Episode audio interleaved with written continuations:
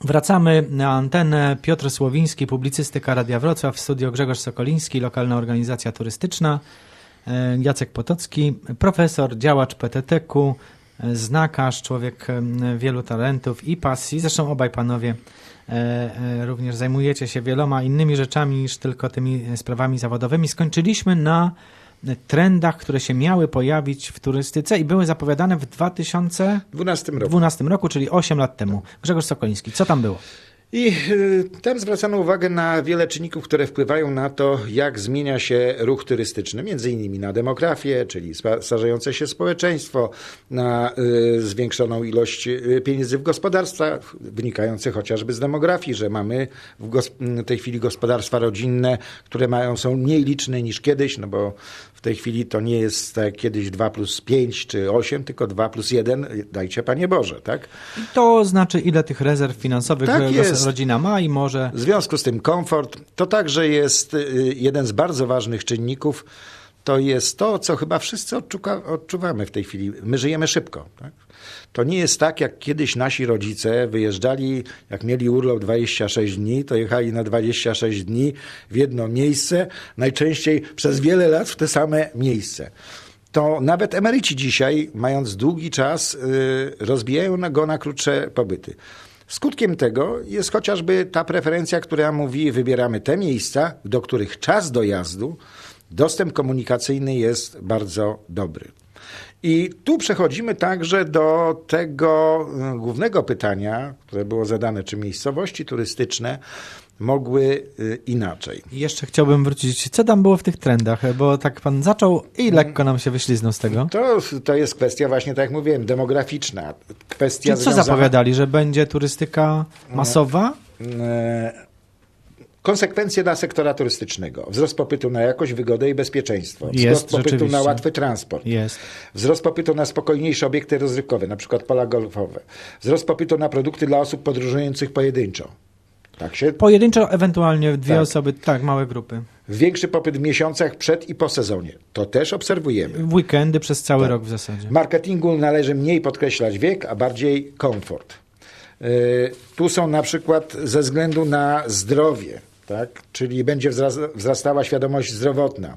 Kierunki podróży postrzegane jako mniej zdrowe będą rzadziej wybierane niż dotychczas. A w tej chwili po pandemii to obawiam się, znaczy nie obawiam się, myślę, że to jeszcze, jeszcze będzie bardziej yy, widoczne. To zdrowie, to, y, to panowie, to też jest tak, że pierwsi świeradów opuścili Niemcy, a więc klient pro, przyjeżdżający na tańsze niż u siebie tak. zabiegi, który chciał spać y, nie w uzdrowisku, nie w zdroju, tylko w fajnym hotelu.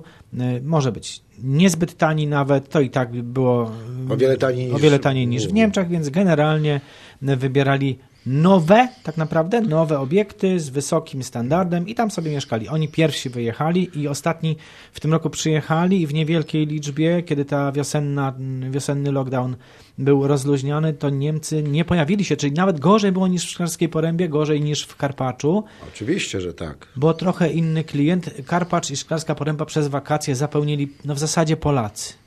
Tak, tutaj możemy powiedzieć y, do tego początku o dywersyfikacji, że miejscowości turystyczne powinny dywersyfikować swoje produkty. Y, czyli krótko mówiąc, tak jak w przypadku Świeradowa, generalnie miejscowości tych uzdrowiskowych w pasie zachodnich, które rzeczywiście były uzależnione od jednego typu klienta. I tu musimy pamiętać, nawiązując też do słowa, słów pana profesora, że to nie tylko jest kwestia pandemii Wyobraźmy sobie, że wystarczy decyzja administracyjna, na przykład po stronie niemieckiej granic. czy coś i nagle cały e, e, ten ruch turystyczny e, do tych miejscowości pada. Czyli dywersyfikacja tak, ale w zakresie produktów turystycznych. A jeżeli chodzi o dywersyfikację, jeżeli chodzi o coś innego niż turystyka, Panie profesorze, no, coś innego niż turystyka, proszę bardzo. Ja nie jestem profesorem, skromnym magistrem, to może będzie mi jakoś łatwiej.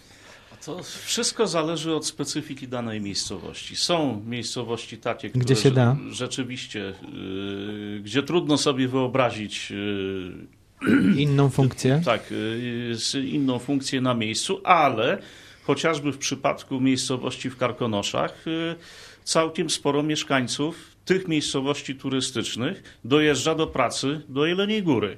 Więc y, w ten sposób pośredni może tutaj ta dywersyfikacja może nie funkcji samej miejscowości, ale y, źródeł utrzymania mieszkańców y, może następować. Kiedy patrzymy na liczbę mieszkańców, to nasze miasta się wyludniają, te turystyczne. Tam tak naprawdę mieszkańców ubywa, biznesu przybywa. Tak to wygląda wprost. Tak, i to jest. To nie jest wyłącznie specyfika miejscowości turystycznych w Karkonoszach. Takie badania prowadziłem właściwie Wszystkie miejscowości y, zdominowane y, gospodarczo przez turystykę notują w ciągu ostatnich 20 lat y, sukcesywny spadek liczby stałych mieszkańców, a najbardziej jest to widoczne w tych, w których wcześniej rozwinięty był przemysł. To, co pan Grzegorz mówił o przykładzie szklarskiej poręby, tutaj właśnie doskonale to widać. Do, dokładnie. Szklarska Poręba miała największe ujemne saldo migracji wśród miejscowości na Dolnym Śląsku. Y, my z prawie 10 tysięcy zjechaliśmy w tej chwili poniżej 6 y, tysięcy. Ale tak troszeczkę adwocem, panie profesorze, y, ja pamiętam oczywiście czasy, w którym oprócz tej wielkości przedsiębiorstw, które były w Szklarskiej Porębie, bardzo dużo mieszkańców Szklarskiej Poręby dojeżdżało do pracy w Jeleniej Górze, Piechowicach, Cieplicach, to oczywiście Karelma, Sylwiskoza, e, Polfa wtedy, więc e, ja dojeżdżałem w tym czasie autobusami do szkoły w Wieleniej Górze, to wiem, jaką ilość pracowników dojeżdżała do e, pracy w Wieleniej Górze. Tylko znowuż świat się zmienił. Tej ilości pracy w tych miejscowościach. Pracy nie chyba ma. nie brakuje. To nie jest problem tego, że brakuje miejsc pracy. Może nie są to miejsca wszystkie super atrakcyjne, jeśli chodzi o wynagrodzenie czy inne świadczenia, ale tutaj pracowników potrzeba. Gdyby oni byli e, w Szklarskiej Porębie, to chętnie by ich Świeradów podkupił do tych swoich hoteli albo odwrotnie, więc to... Aj, aj, aj, aj, aj e, panie e, redaktorze, niech to będzie, nie że tak. Karpacz podkupił, to oczywiście tak. Ale przepraszam, ja zadam pytanie, czy pan sobie wyobraża, że wszyscy mieszkańcy Szklarskiej Poręby i wszystkie nasze dzieci, to tylko i wyłącznie są te, które mają zainteresowania lub chcą pracować w branży turystycznej? Nie. Ja panu podam przykład moich dzieci. Jeden jest po budowie maszyn, konstruktor, drugi jest po budowie i budownictwie i kierunek kolejnictwo. Ale to nie dlatego, że nie wierzyli w turystykę jako biznes. Nie, no przecież z prostego powodu. No świat jest różnorodny i nie wszyscy chcą pracować w turystyce. No, wyobrazić sobie, że wszyscy, wszystkie nasze dzieci w Szklarskiej Porębie to tylko i wyłącznie marzą o turystyce. No nie, tak nie jest. No nie, znam kamiennogórzan na przykład, którzy związali swój biznes, a teraz chyba już i życie ze Szklarską Porębą tam pracują i zarabiają, więc to działa w obie strony, ale ten odpływ mieszkańców, on jest związany z pewną niewygodą życia spowodowaną przez masową turystykę. No oczywiście, że tak. Ja bym powiedział, że y, znów w pewien sposób nawiążę do słów pana profesora mówiącego o tym, że każdy myślał, że w turystyce można zarobić. Tak? I mamy sytuację, w której E, Szklarska Poręba, Karpacz, e, te miejscowości turystyczne, bo to dotyczy miejscowości w pasie górskim i pasie nadmorskim, e, przy jednocześnie zmienionych parametrach ekonomicznych, gdzie nagle się okazało, że lepiej nie trzymać pieniądze na lokatach, tylko apartamenty. Pojawiło się budownictwo apartamentowe. Więc y, nagle został... I takie nazwy, których trudno zapamiętać. Apart hotele, kondo hotele. No nie, to akurat, panie, panie redaktorze, to akurat jest w branży turystycznej zrozumiałej i... Że się y, takie nazwy nowe pojawiają? Nie, one były. To, to jest tylko i wyłącznie związane z kwestią sposobu y, finansowania, finansowania i także kwestiami własnościowymi. Ale budownictwo takie apartamentowe, czyli krótko mówiąc Y, nic innego jak bloki mieszkalne. Bloki mieszkalne normalne, tyle tylko, że w środku znajdują się e, obiekt, e, lokale nie do mieszkania, tylko do wynajmowania na najm krótkotrwały. I to jest problem, z którym zderzają się nie tylko miejscowości takie jak Szklarska Paręba czy Karpacz. To jest problem w ogóle ogólnoświatowy i europejski. Dotyka także miast takich jak e, Wrocław, Poznań, Kraków, Warszawa e, czy Gdańsk.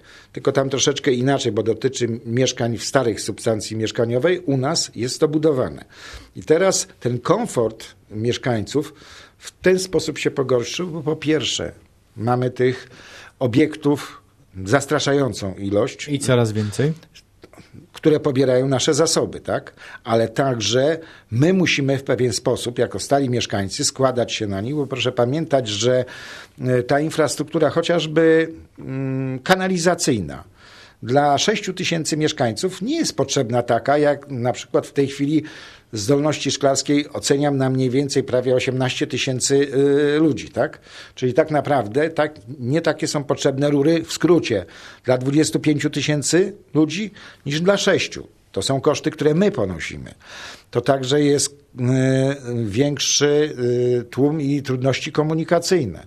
No i oczywiście także wyższe ceny, bo proszę pamiętać o tym, że to także i sieci hotelowe i sklepy patrząc, mając taką ilość turystów, mają wyższe ceny. No. Zwyczajnie chcą na tym zarobić. Czy można zarobić? O tym będziemy rozmawiać za kilka minut.